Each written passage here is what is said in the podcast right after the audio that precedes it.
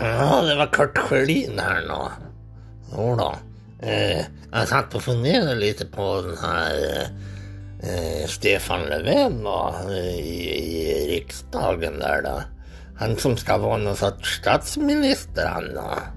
Och då blev jag så jävla förbannad och så slog näven i bordet henne och jag satt ju här och, och bakom gardinerna jag och läste jag läste på, på, på Flashback om den där jävla Stefan Löfven. Och jag sitter ju bakom gardinerna här och käkar mediciner och har det bra jag och, och så kommer den där upp med sitt akniga jävla tryne i, i, i tabloidpressen. Och, och han är för helvete jävla landsförrädare han. Och, som sitter och bestämmer en massa jävla socialdemokratisk jävla skit. Och, ja, och jag sa det till eh, Stickan jag träffade nere på förbutiken på Willys.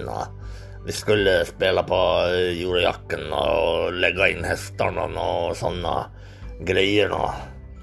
Jag sa att den där jävla fetknoppen ser ut som en jävla spärrballong. Då. Han är inget annat än en jävla fackpamp han. Då. Han ska styra landet som någon jävla fackförening. Då.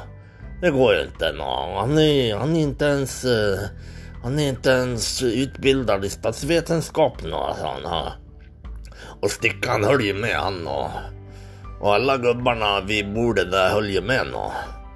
Vi brukar ju sitta där när vi har blivit pensionerade och, och, och dricka kaffe hela dagarna och snacka skit nu. Och jag menar, det är inte konstigt om alla håller med nu att det är så det är nu, att han är en jävla gris nu. Det tycker vi allihopa nu. Vi har jobbat och stått i våra jävla dagar och jag ska säga det när jag var liten då, då var det ta mig fan, det var 20, det var 15 mil till skolan och 25 mil hem, enkel väg.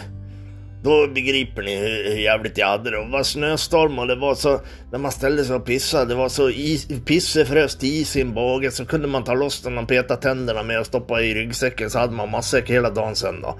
Isglass då, jo men visst nå. Så var det ju. Kallt och jävligt och ingen fjärrkontroll till tvn hade man heller någon som man, varje gång man ville byta kanal, fanns ju bara två kanaler då. Fick man ju resa sig upp och gå hela vägen fram till tvn och byta kanal och så hela vägen tillbaka till soffan då.